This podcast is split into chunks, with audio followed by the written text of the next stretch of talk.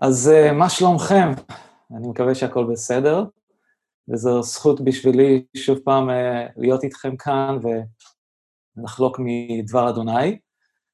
אז כמו שאתם יודעים, אנחנו ככה פסח מאחורינו, וזה פסח שייזכר בהיסטוריה של, של עם ישראל, בהיסטוריה של החיים שלנו. אני מאמין שכמו שיונתן אמר, שיום אחד אנחנו נסתכל לאחור ואנחנו נספר אה, על הפסח הזה אה, לילדים שלנו, לחברים שלנו, למשפחות שלנו. אבל ברשותכם, אני יודע שפסח מאחורינו, אבל עדיין אני רוצה להתמקד במשהו מאוד מאוד חשוב בחג הזה, שליווה אותי במשך השבוע האחרון, והייתי רוצה להתמקד בנושא של התחייה של ישוע מהמתים. לדבר על הכוח של התחייה. ואלו מכם שמכירים אותי, אני הייתי uh, בהמון לוויות, הנחיתי המון לוויות. ראיתי את העצב uh, שבאנשים, עצב שגם בעצמי אני חוויתי. Uh, ראיתי את המשפחות הכואבות והבוכות על היקירים שלהם, וכשמדובר בלוויה של מאמינים, אז כמובן שיש לנו את התקווה ויש את השמחה שבשבילנו זה לא הסוף, אלא סוג של התחלה חדשה. אבל גם הייתי בלוויות שלאנשים לא הייתה את התקווה הזו, ו- וראיתי את העצב, את הכאב שאנשים חווים. וכשמדובר על, על, על הפסח, על חג הפסח, אנחנו זוכרים uh, לוויה אחת שתשנה את עתיד האנושות. אנחנו uh, רואים בלוויה הזו שזה לא, לא היה רק הסוף, זה לא היה סיפור הסוף, אלא שחר של יום חדש שישנה את כל העולם, ולא רק את העולם, גם את החיים האישיים שלנו. אז ברשותכם, אני רוצה לקחת זמן להתפלל ולבקש שחסד אלוהים יהיה עלינו עכשיו, כשנוכל לשמוע את מה שיש לאדון להגיד לנו. אז בואו נתפלל ביחד. אבינו שבשמיים, אנחנו כל כך מודים לך מודים לך שאנחנו יכולים אה, לגשת אל דברך באמונה, בידיעה שדברך הוא חי ופועל, והוא לא ישוב ריקה. דברך משנה חיים, בדברך יש תקווה. ואני מתפלל שברגעים האלו שיש לנו עכשיו, שאנחנו נלמד על דברך, שתדבר אלינו, אדון, שנשמע את הקול שלך בתוך החיים שלנו. אני מבקש. שהמסר הזה, אדון, ש, שנתת לי מתוך דברך, שזה באמת יעודד ויחזק כל אחד שמקשיב. אני מתפלל בשם ישוע המשיח. אמן. אז בפסח אה, חגגנו וסיפרנו את הסיפור אה, של יציאת מצרים. סיפרנו את הסיפור בהקשר של ישוע המשיח, כמו ששאול השליח כתב, הוא אמר שהרי נזבח שא הפסח שלנו, המשיח. אז, אז לנו, המאמינים המשיחיים, מעבר לסיפור של יציאת מצרים, יש לנו את התקווה בישוע, שהוא שא הפסח שלנו, שלקח על עצמו את כל חטאינו ונתן לנו תקווה חדשה. אבל כמו שאמרתי, בחג הפסח אנחנו לא רק זוכרים את מותו המכפר של ישוע המשיח, אלא גם אנחנו זוכרים את תקומתו מן המתים, תקומתו של ישוע מן המתים. ואלו מכם שמכירים את חג הפסח, אתם יודעים שבתוך חג הפסח אנחנו זוכרים שלושה מועדים. יש לנו את הפסח, חג המצות, ומה שאנחנו קוראים חג תנופת העומר. אז אה, חג הפסח זה החג שבו נושענו, שבו הוצדקנו בדמו של השה מתוך אמונה. ואז יש לנו את חג המצות, וכמו שאתם יודעים, בכל בית בישראל מסירים את החמץ אה, ועוברים לאכילת מצה. וגם דבר אדוני מלמד אותנו שהחמץ מסמל את החטא, שאותו אנחנו צריכים להסיר מתוך החיים שלנו, והמצה מסמלת את התואר, את התום ואת האמת, שבזכות מה שישוע עשה בעדינו, אנחנו יכולים לחיות חיים שכאלה. אבל גם יש את חג תנופת העומר. וזה מעניין, יש הרבה אנשים שלא כל כך uh, מבינים את החג הזה, ואני אסביר בקצרה. חג תנופת העומר, זה היה, זה, חגגו אותו ביום הראשון, יום ראשון של השבוע. ומה שהיו עושים, היו שולחים אה, אה, נציגים אל תוך השדות, והיו אוספים את מה שנקרא את ראשית העומר, האלומה הראשונה.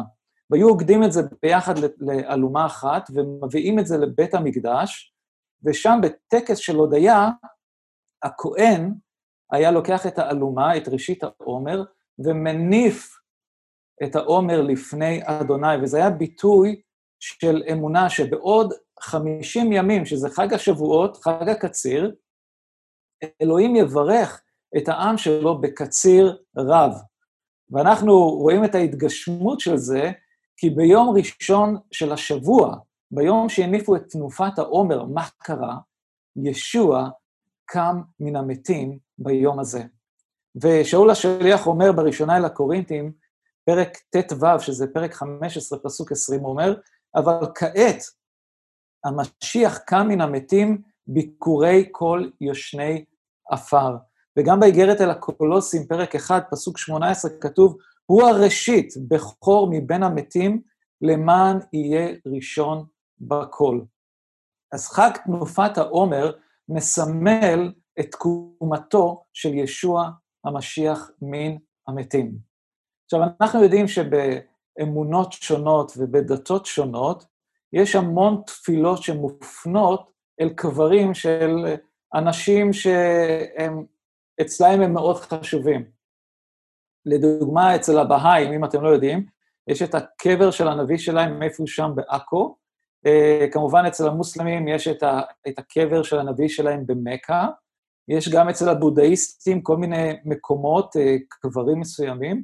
וכמובן אצלנו, בתוך עם ישראל, אנחנו ידועים בהמון אה, קברי צדיקים, שבהם המון אנשים הולכים להתפלל ולבקש ברכות מאותם אנשים מתים, אה, ברכות שיברכו אותם.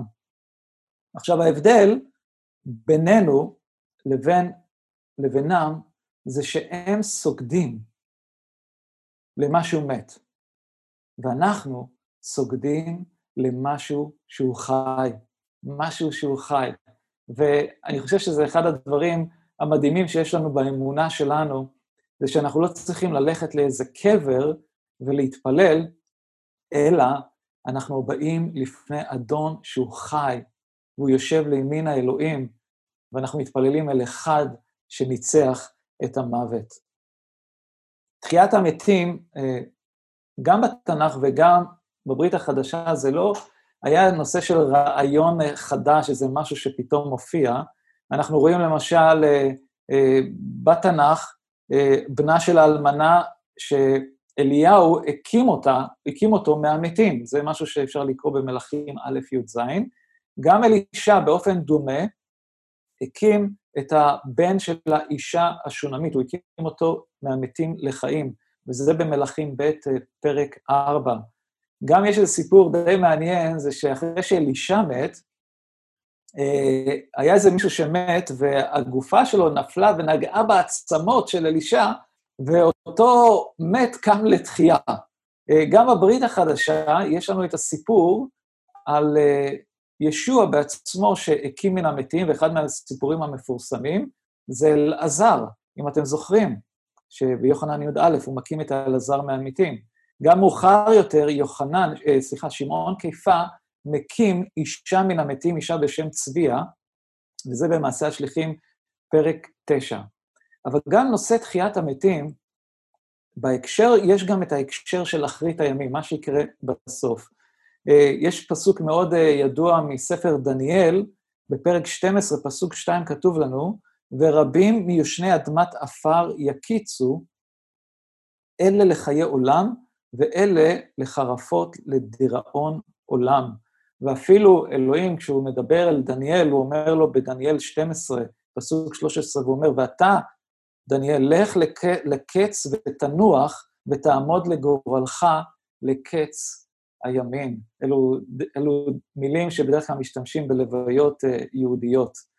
אז אנחנו רואים כאן ש, שיש את תחיית המתים, משהו שיקרה באחרית הימים.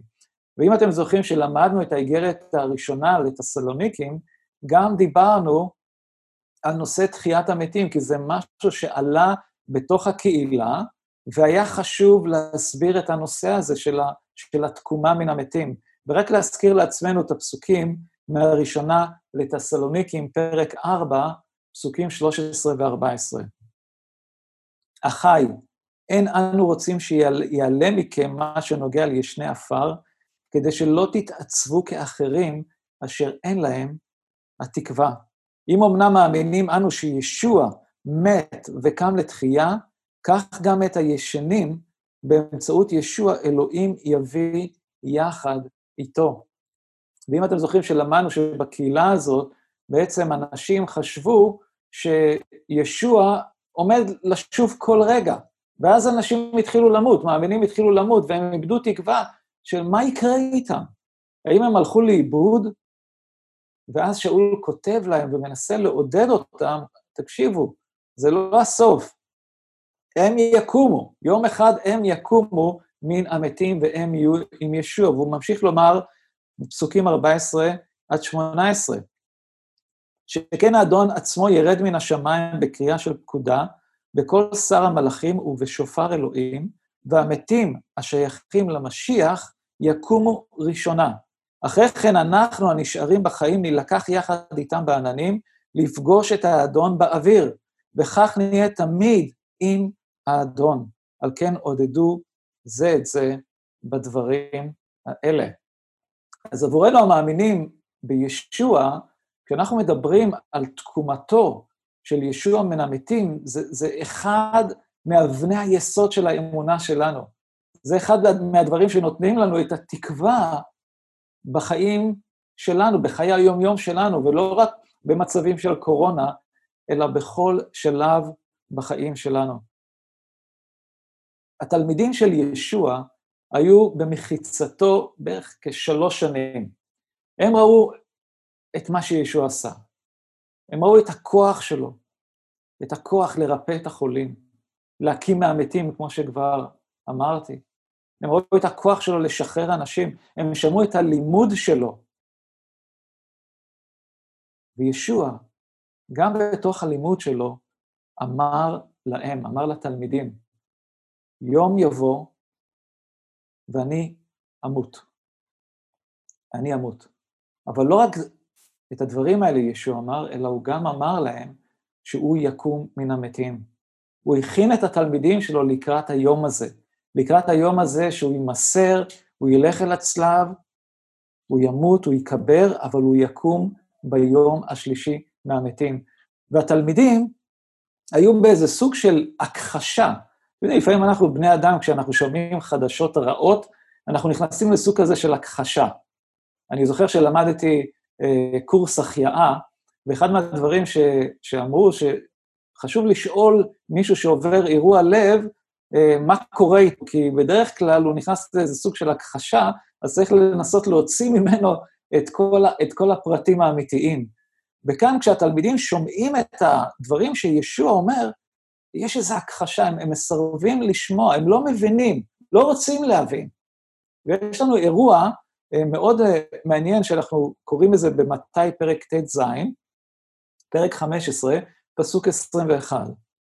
מאותה עת החל ישוע להבהיר לתלמידיו כי עליו ללכת לירושלים ולסבול הרבה מידי הזקנים וראשי הכהנים והסופרים, ולהרג ביום השלישי, להרג וביום השלישי לקום.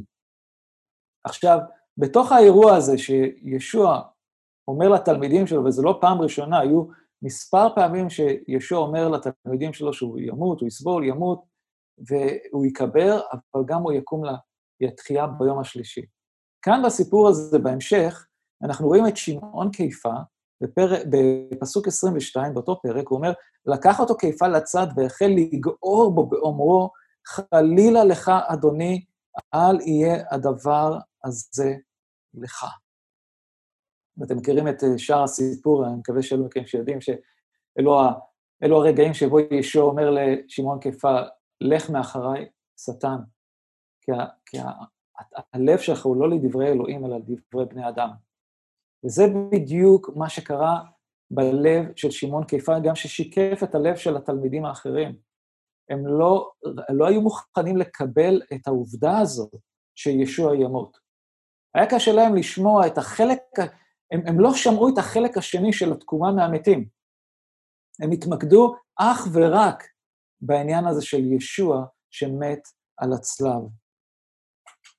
אחת התחושות שאנחנו יכולים לראות גם בדבר אדוני שהיו ב, בתוך שני תלמידים, זה שכאשר היו שני תלמידים שהיו בדרך לירושלים, זה כמובן אחרי שישוע מת על הצלב, הם היו בדרך מירושלים לעמאוס, וישוע נלווה, אחרי שהוא קם מן המתים, נלווה אל שני התלמידים האלו, הם לא מצליחים לזהות שזה ישוע איתם. ו... והם מתחילים לספר לו על כל ההתרחשויות בירושלים, על זה שישוע מת על הצלב, ו... והוא שואל אותם, מה, מה קרה בירושלים בדיוק? והם כזה, מה, אתה לא יודע מה קרה בירושלים? ואז הם אומרים את הדברים האלו, זה בלוקאס, פרק 24, פסוק 21. ואנחנו קיווינו, כי הוא זה אשר עתיד לגאול את ישראל, אבל נוסף על כל זאת, כעת היום השלישי מאז קרו הדברים האלה. עכשיו, שימו לב לדברים שהם אומרים. אנחנו קיווינו, כי זהו זה אשר עתיד לגאול את ישראל. הייתה לנו תקווה שישוע הוא האחד, הוא המשיח, הוא זה שיבוא ויביא את הגאולה לעם ישראל.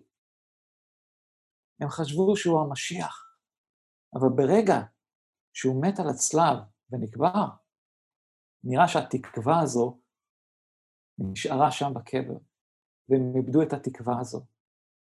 הם קיוו. וזו הייתה התחושה של התלמידים. המוות של ישוע, זה היה הסוף. קיווינו.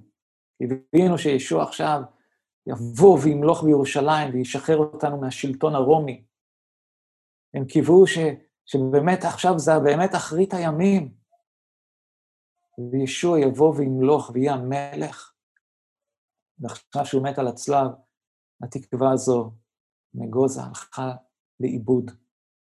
הייתה להם תקווה, אבל זה לא קרה מבחינתם.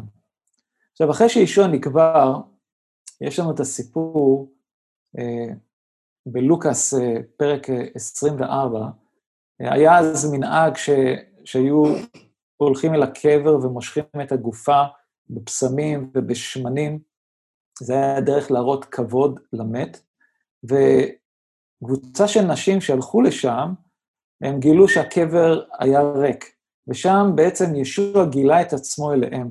והן בהתרגשות אה, רצות והולכות לספר לשליחים שהיו בפחד, שהסתתרו, הן רצות לספר לשליחים את החדשות הנפלאות האלו. וזה בלוקאס 24, מפסוק 9. לאחר מכן חזרו מן הקבר וסיפרו את כל הדברים האלה לאחד עשר ולכל השאר. אנשים שסיפרו זאת לשליחים היו מרים המגדלית, יוחנה, מרים אם יעקב, ואחרות שהיו איתן. עכשיו שימו לב לתגובה של התלמידים בפסוק 11. אלא שדבריהן נראו בעיניהם כדברי הבל, ולא האמינו להן. ההתייחסות שלהם, ההתייחסות של השליחים לידיעה הזאת, אתם מדברות שטויות. הם לא האמינו. אלו השליחים. תחשבו לרגע, אלו השליחים, אלו האנשים שאנחנו לומדים את ה... חלק מהם את האגרות שלהם. הם שמעו שישוע קם מן המתים, והם אמרו, זה שטויות, זה לא נכון. הם לא האמינו. ויש לנו תיעוד שמתמקד דווקא בתלמיד אחד, שממחיש את החוסר אמונה. אחרי זמן מה, ישוע מופיע בחדר שבו התלמידים נמצאים. הוא מתגלה אליהם. וכמובן שהם היו בהלם, גם מלאי שמחה, אבל היה תלמיד אחד שלא היה שם, והתלמיד הזה קראו לו תומא. עכשיו, אם נפנה ליוחנן, פרק 20, אה, נקרא פסוקים 24 ו-25, ונראה מה קרה עם תומא. יוחנן, פרק 20, מפסוק 24. תומא, אחד מהשנים עשר הנקרא דידימוס לא היה איתם כאשר בא ישוע. אמרו לו יתר התלמידים, ראינו את האדון. השיב להם, אם לא אראה את סימן המסמרים בידיו, ולא אשים את אצבעי במקום שהיו המסמרים, ולא אשים את ידי בצידו, לא אאמין. תראו איזה חוסר אמונה. התלמידים מספרים לו, ראינו את ישוע. והוא אומר, אם אני לא אראה בעיניים שלי, אם אני לא אקח את האצבע ואני אשים בחורים בידיים שלו, בצד שלו, אני לא אאמין שזה ישוע. בפסוק 26 באותו פרק, אחרי שמונה ימים שוב היו התלמידים בבית, ותומא איתם, הפעם תומא נמצא איתם, כאשר היו הדלתות סגורות, בא ישוע, עמד ביניהם ואמר, שלום לכם. עכשיו, איזה דבר מדהים זה שהתלמידים מסוגרים בבית, אה, וזו התפילה שלי גם בזמנים שאנחנו מסוגרים בבית, שישוע יבוא ויופיע בנוכחות שלו בקרבנו ויגיד לנו את המילים, שלום לכם. ובעצם זה מה שהוא אומר לנו בזמן הזה, שלום לכם, אל תדאגו, אני פה. אבל בתוך ההתגלות הזו, הוא פונה באופן אישי אל תומא. פסוק 27. אז אמר לתומא, הבא את אצבעך, הנה וראה את ידיי. הושט את ידך ושים אותה בצידי, ואל תהא חסר אמונה, אלא מאמין. השיב תומא ואמר לו, אדוני ואלוהי. אמר לו ישוע, מפני שראית אותי האמנת, אשרי אלה שאינם רואים ועם זאת מאמינים. עכשיו, תומא, יודעים, אה, נפל עליו שהוא ייזכר גם אחרי אלפיים שנה כתלמיד, שלא הייתה בו את האמונה. וכשהוא ראה את ישוע, הוא הכריז את ההכרזה הזאת, אדוני ואלוהי. איזו הכרזה? הכרזה שכל מאמין צריך אה, שיהיה לו כלפי ישוע.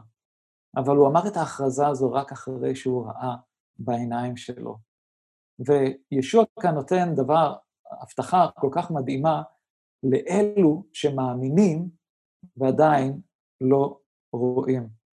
אני יודע ש, שלפחות אצ, אצלי בבית, אה, לואן אה, תמיד אוהבת אה, לשמוע עדויות של אנשים שראו התגלויות של ישוע, שאלוהים ממש דיבר אליהם בקול, או שהייתה להם התגלות ממש אמיתית. ואז היא כזה מתלוננת על, למה אני לא רואה? למה הם רואים? אני הייתי מאוד רוצה לראות גם את ישוע בדרך הזו. ותמיד אנחנו מזכירים את הפסוק הזה, יש ברכה על אלו שמאמינים ועדיין לא ראו. ואני רוצה לעודד אתכם, מילה אישית אה, עבור כולנו, זה שכאשר אנחנו מרגישים את המצב הזה, שאולי של ייאוש, של חוסר תקווה, אה, אכזבה, זה, המצב הזה שבו אנחנו נמצאים יכול לגרום לנו לסוג של עיוורון רוחני, שאנחנו לא מסוגלים לראות את ישוע אפילו שהוא ממש לצידנו. אותם תלמידים בדרך לאמאוס, הם היו כל כך במקום הזה של חוסר תקווה, שאפילו ישוע שהיה לצידם, הם לא הצליחו לזהות אותו. זה לא שישוע בא עם פנים חדשות או מראה חדש, זה היה אותו ישוע. אבל ברגע הזה של חוסר תקווה, של אכזבה, של כאב, הם לא היו מסוגלים לראות את ישוע גם כשהוא היה כל כך קרוב אליהם. ולכן בזמנים האלו אנחנו לומדים להיאחז בהבטחות אלוהים, כי אנחנו קוראים את דבר אדוני, אני מאמין לדבר אדוני, אני מאמין למה שאלוהים אומר לי, אני נאחז בהבטחות שלו. המסר של תחייתו של ישוע מהמתים היה במרכז החיים של התלמידים הראשונים והקהילה הראשונה. בדרשה הראשונה, ששמעון קיפה מכריז בחג השבועות, אחרי שרוח הקודש צלח על התלמידים, כשהוא עומד מול קהל גדול בירושלים ומכריז את מסר הבשורה, בלב של מסר הבשורה, הבשורה הייתה, המסר היה תחיית המתים. ואם קוראים את זה במעשה השליחים, פרק ב', רק פסוק אחד מתוך הדרשה, פסוק 24, הוא אומר, ואלוהים הקימו לתחייה בהתירו את חבלי המוות, שכן המוות לא היה יכול לעצור אותו. ולאורך כל הזמנים שבהם התלמידים מלמדים על המוות של ישוע, על הצלב, תמיד מסר התחייה היה במרכז הבשורה שלהם. ההכרזה שלהם.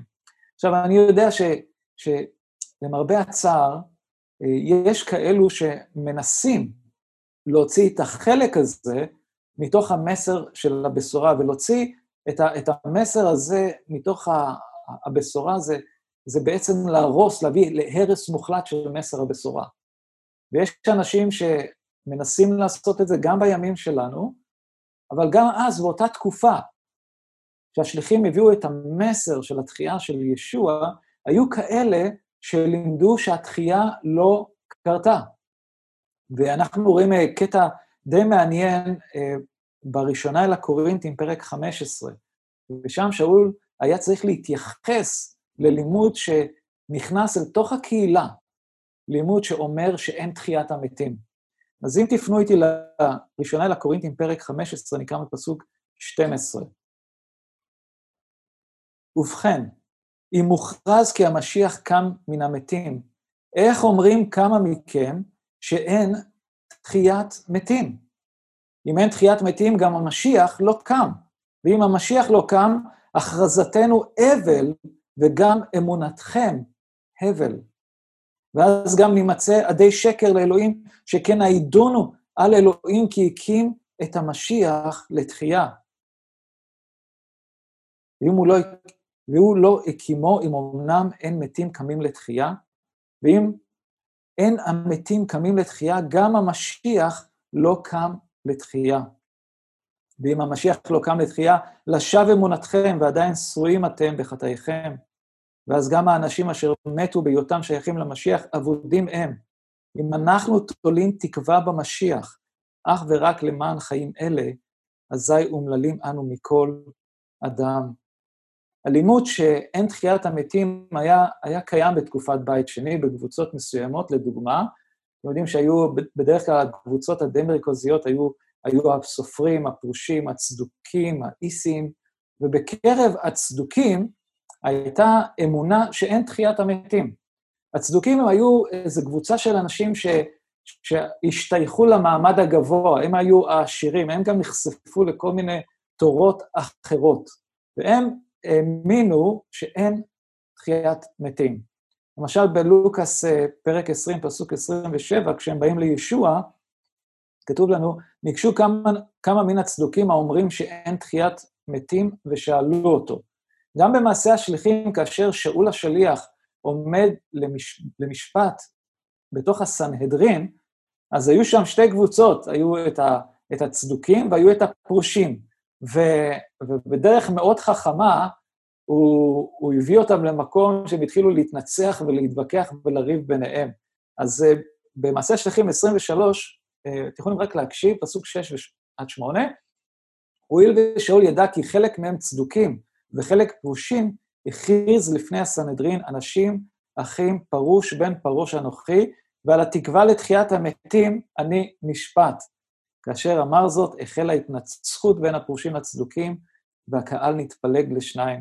כי הצדוקים אומרים שאין תחייה ואין מלאך ואין רוח, אך הפרושים מודים בכל אלה. אז uh, הלימוד של הצדוקים היה באותה תקופה, ואיכשהו הלימוד הזה גם נכנס אל תוך הקהילה על ידי אנשים מסוימים. גם בפילוסופיה היוונית uh, הייתה אמונה uh, לא נכונה לגבי תחיית המתים. ובמעשה השליחים, שאול השליח מתמודד עם המסר בקרב פילוסופים יוונים. ואם תקראו איתי במעשה השליחים, פרק 17, פסוק 18, אה, כתוב לנו גם כמה פילוסופים מן האסכולה ההיפוקורסית ומן האסכולה הסטואית התווכחו איתו, יש שאמרו, מה רוצה הפטפטן הזה לומר? ואחרים אמרו, נראה שהוא מכריז על אלים זרים, שכן בישר על ישוע ועל התחייה. אז שאול לוקח את מסר הבשורה לא רק לעם היהודי, אלא גם אל העולם היווני, ששם היו המון אמונות, פילוסופיות שונות. ואז שהוא מכריז להם על ישוע ועל התחייה, זה משהו שהיה בשבילם אה, אה, משהו מעניין. אז הם כזה הסתכלו בזלזול גם על, ה, על הלימוד הזה, אבל תראו מה שאול אומר להם במסר שלו, בפסוק 30 עד 32. אלוהים אמנם התעלם מעיתות הבערות, אך כעת הוא מצווה על כל בני האדם, בכל מקום, לחזור בתשובה, שכן יהיה עד יום לשפוט תבל בצדק על ידי איש אשר מינה, והמציא הוכחה לכל בהקימו אותו מן המתים. כאשר שמעו על תחיית המתים, אחדים לגלגו ואחרים אמרו, נשמע אותך בעניין זה עוד פעם. אז המסר של שאול השליח היה, היה מסר שבו אלוהים קורא לנו לחזור בתשובה, לשוב מחטאינו. הוא מדבר על יום שאלוהים ישפוט את העולם, והוא מדבר גם על אותו משיח שמת בעדנו וקם לתחייה מהמתים. וברגע שהם שמעו את העניין של, של תקומה מן המתים, הם התחילו ללגלג, הם התחילו לזלזל. ורק להגיד לכם על הסגולה הסטואית, הפילוסופים, הם, האמונה שלהם הייתה בסוג של לוגיקה, כלומר, צריך להגיע לאמת באמצעות שיחה, דיון וויכוח, ובגלל זה הם היו פתוחים לשמוע דעות אחרות. הם האמינו בהרמוניה של העולם כולו, כלומר, גם האלילים השונים, כולם קשורים אחד לשני. אבל לגבי הנושא של המוות, המוות, בשבילם זה היה מעבר ממצב אחד למצב אחר בחיק הקוסמוס. כלומר, היקום הוא נצחי, ושנועדנו לשכון בו לנצח, ולעולם אנחנו לא חייל, חדלים להתקיים. כלומר, אם אני מת עכשיו, אז אני, אני אתחבר איכשהו לקוסמוס ואני אהיה משהו אחר, אני, אני לא אחדל להתקיים. ואנחנו רואים את האמונה הזאת אה, אה, גם מקבלת ביטוי לפעמים בסרטים שאנחנו רואים על הקשר שלנו לאדמה ולעולם, ושאנחנו הופכים להיות חלק מהעולם שבו אנחנו חיים. אז האמונות האלו היו קיימות בתקופה הזו, על כל נושא של תחיית המתים. אם אין תחיית המתים, וכאלו שפשוט אה, אה, היה להם הבנה שגויה של מה שקורה אחרי המוות. וכשאנחנו, המאמינים בישוע, כשאנחנו מביאים את, ה, את המסר, מסר הבשורה לעולם, המסר שלנו במרכזיות שלו זה התחייה, התקומה של ישוע מן המתים. עכשיו, אם אנחנו חוזרים לקטע מהראשונה אל הקורינטים, פרק ט"ו, שאול השליח אומר באופן די ברור, שאם מוציאים את החלק הזה של, ה, של התחייה מן המתים, תראו מה, מה יקרה. הוא אומר, הכרזתנו הבל וגם אמונתכם הבל. המילה הבל, המשמעות שלה ריקה מתוכן. זה לבוא למישהו בידיים ריקות. זה להיות במקום שאין לך מטרה ואין לך כוח להשפיע. זאת אומרת שהמסר שלנו, המסר שאנחנו מביאים על ישוע, מסר הבשורה, בלי תחיית המתים של ישוע, זה כאילו שאתה בא למסיבת יום הולדת בידיים ריקות. אתה, אין לך מתנה, אתה לא, אתה לא מביא שום דבר. אין לנו תקווה אם אין לנו את המסר הזה. ואז הוא ממשיך ואומר, אנחנו גם הופכים להיות עדי שקר לאלוהים. כלומר, אנחנו מביאים מסר שהוא לא אמיתי. כלומר, אנחנו משקרים לאנשים. זה כמו להביא עדות שקר בביתו, בבית משפט לאירוע שקרה. ואז הוא ממשיך ואומר, ואם המשיח לא קם לתחייה, לשווא אמונתכם, ועדיין שרועים אתם בחטאיכם. עכשיו, אם המסר הזה לא נכון, שישוע לא קם מן המתים, אז האמונה שלנו לא רק שהיא אבל, אלא גם אנחנו עדיין שרועים בחטאים שלנו. עדיין החטא שלנו עומד נגדנו. ואז הוא אומר, אזי אומללים אנו מכל אדם. אם זו התקווה שלנו, היא רק בדברים האלה, בעולם הזה. כלומר, אם אין חיים אחרי שאנחנו מסיימים את העולם הזה, אנחנו אומללים מכל אדם, וזה מביא אותנו למקום שבו אנחנו חיים את החיים שלנו ללא שמחה, מדוכאים, עצובים, עלובים ומסכנים. כי אם המסר הזה אמיתי, אין לנו מה לעשות בתוך הקהילה. אין לנו מה לעשות בתוך הקהילה. מי רוצה לחיות חיים אומללים שבהם אין תקווה? אין תקווה אחרי המוות. שתבינו, זה המסר של תחייה, תחייתו של ישוע. הוא לב המסר של הבשורה. ולחשוב על אלו שמסרו את נפשם עבור הבשורה, שעשו את זה לחינם, עבור מאמינים ש, שחוו רדיפות מאוד קשות בגלל האמונה שלהם. לחשוב על, על כאלו מאיתנו שברגעים מסוימים המשפחות שלנו הפנו לנו עורף וסבלנו כאב ודחייה, ואפילו כאלו שחווים את זה ברגעים האלו. אם ישוע לא קם מן המתים, אז כל זה, חבל שזה קורה. חבל שזה קרה. ולכן, כשאנחנו מדברים על האמונה שלנו, המסר של התחייה של ישוע הוא במרכז האמונה שלנו. אני בטוח שכל אחד מאיתנו מאמין שישוע קם מן המתים, אך לא כל אחד מבטא את האמונה הזאת בחיים שלו, בחיי היום-יום. אתם מבינים? הכוח התחייה של ישוע, הוא חייב לקבל ביטוי בחיים שלנו, בחיי היום-יום שלנו. זה לא איזה משהו, כן, אני יודע שישוע קם מן המתים, אלא זה משהו ש, שהוא קשור לאמונה העכשווית שלנו בישוע. באיגרת אל הרומים, אה, פרק 4, אה, כתוב לנו, פסוקים 22 עד 25, הוא מדבר פה על אברהם, אבינו שהאמין, אתם זוכרים את הסיפור? אלוהים אמר לו שמתוכך יבוא בן למרות גיל הזקנה, למרות שזה בלתי אפשרי, והוא האמין, ואלוהים החשיב לו את זה לצדקה. וכתוב לנו, לכן נחשבה לו זאת לצדקה, ולא למענו בלבד נכתב שנחשבה לו, כי אם גם למעננו, והיא עתידה להיחשב לנו המאמינים במי שהקים את ישוע אדוננו מן המתים. הוא אשר נמסר למוות מפני חטאינו, והוא קם לתחייה כדי להצדיקנו. אז כשאנחנו מדברים על, ה, על, ה, על מסר הישועה, על הישועה האישית שלנו, אנחנו יודעים שישוע כן נמסר בגלל החטאים שלנו. הוא כן הלך לצלב למות בעד החטאים שלנו. אבל כשהוא קם מן המתים, והוא עלה להיות לימין האלוהים, אנחנו הוצדקנו. אנחנו הוצדקנו. זאת אומרת שהקורבן התקבל בשמיים. והוא תקף בשבילנו. אם ישוע היה נשאר בקבר, והגופה שלו הייתה נשארת בקבר ושם, והוא לא היה קם מן המתים, זה לא היה מספיק. זה מדהים לשמוע אנשים שמתים עבור אנשים אחרים ונותנים את החיים שלהם עבור האחרים. סיפורים מדהימים שאנחנו רואים בעולם על אנשים שכאלו. אבל אם זה מסתיים בזה, זה לא מספיק כדי לשחרר אותנו לחופשי מהחטא שקבל אותנו.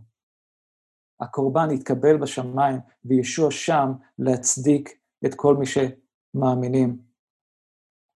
יש את הפסוק באיגרת אל הרומים, פרק 10, פסוק 9, ואם אתה מודה בפיך שישוע הוא האדון, ומאמין בלבבך שאלוהים הקים אותו מן המתים, תיוושע. שימו לב להקשר של הישועה שלנו. אתה מודה בפיך שישוע הוא אדון, אתה מאמין בלבבך, אבל גם אתה מאמין שאלוהים הקים אותו מן המתים. הישועה שלנו קשורה למוות של ישוע לצלב, אבל גם לתקומתו מן המתים. כוח התחייה של המשיח גם לא רק מסתיים בהצדקה שלנו לפני אלוהים, אלא מעניק לנו את הכוח לחיות בעולם הזה עם כוח התחייה. ואחד הדברים שגם למדנו, ואלו מכם שעברתם טבילה במים, אתם עברתם את השיעורים האלו של משמעות הטבילה במים, שאנחנו מזדהים עם מותו של ישוע, כאשר אנחנו יורדים מתחת למים, זה מסמל את הקבורה. אבל כשאנחנו עולים מן המים, זה מסמל את התחייה, את החיים החדשים שאלוהים העניק לנו על ידי אמונה בישוע המשיח. זה משהו שאתם יכולים לקרוא באיגרת אל הרומים, פרק 6. ואז הוא אומר, ב, ב, גם באיגרת אל הרומים, פרק 6, אה, יש את הפסוק, פסוק 11, שהוא, אני רק רוצה לקרוא אותו, הוא אומר, בדרך זאת גם אתם חישבו את עצמכם מתים לגבי החטא, אך חיים לאלוהים במשיח ישוע. החיים החדשים שאלוהים נתן לנו, זה לא רק איזה משהו שיום אחד בעתיד אנחנו נחווה כשאנחנו נהיה איתו במלכות שלו, אלא זה משהו שאנחנו חווים אותו עכשיו. אנחנו אנשים מתים שחיים. אנחנו אנשים מתים שחיים.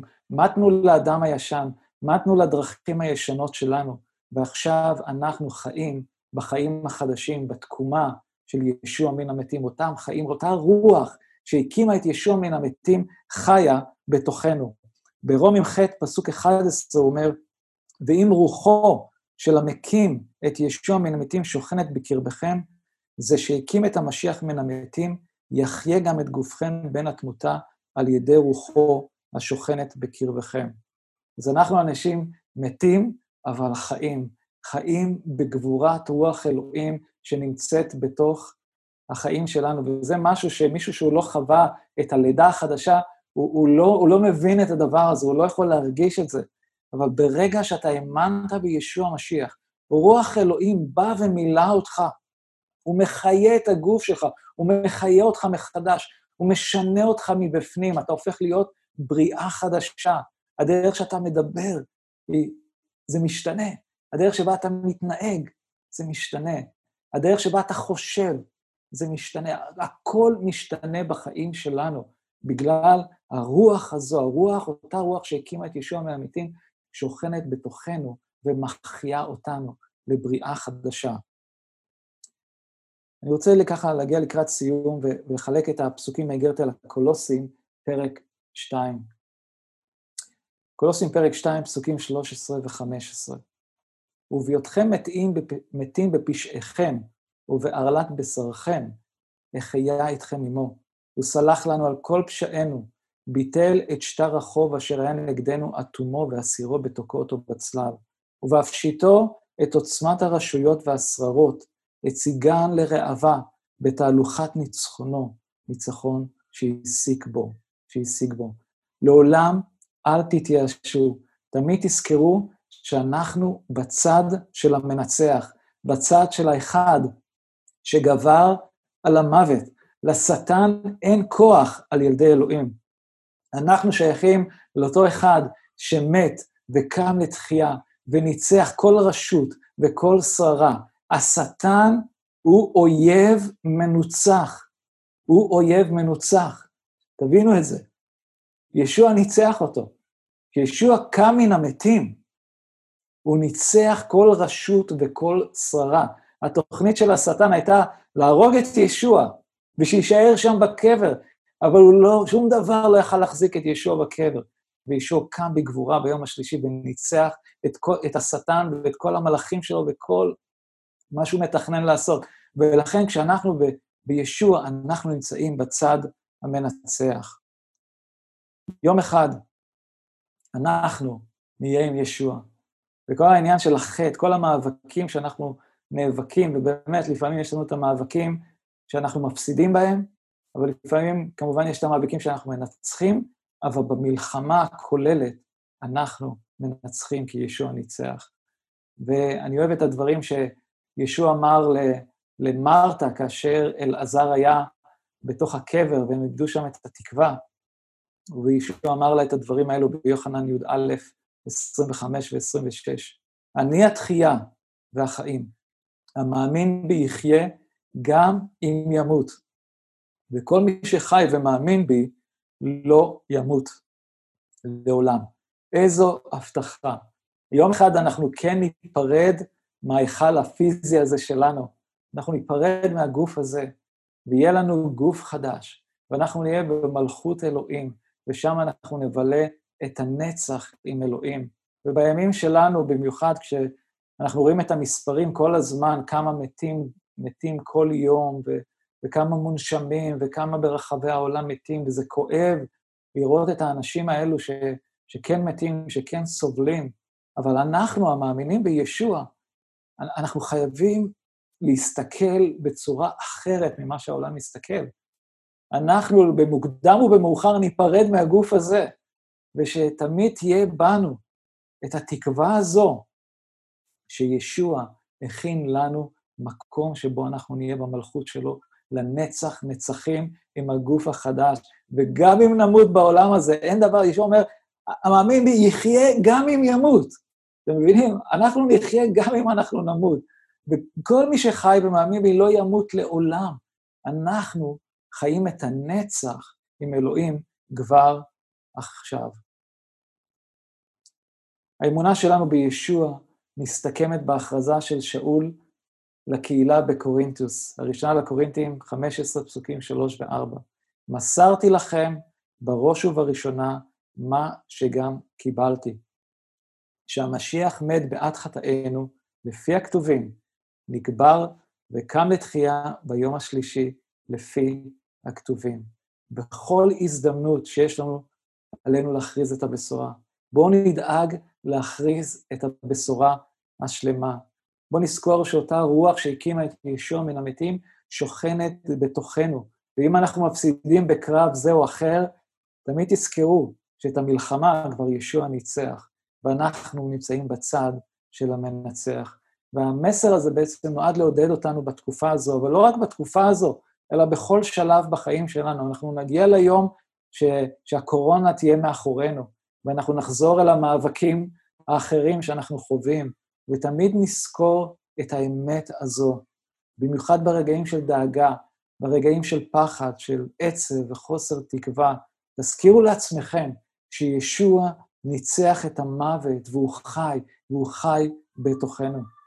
ועוד דבר אני רוצה להזכיר לכם, שבכל פעם שאתם מספרים למישהו על מותו של ישוע, מותו המכפר של ישוע, תמיד תזכירו באותה נשימה את התקומה של ישוע מן המתים. זה כל כך חשוב, זה חלק בלתי נפרד מהבשורה שלנו. יש כוח בבשורה, ואנחנו רוצים לספר את כל מה שישוע עשה עבורנו.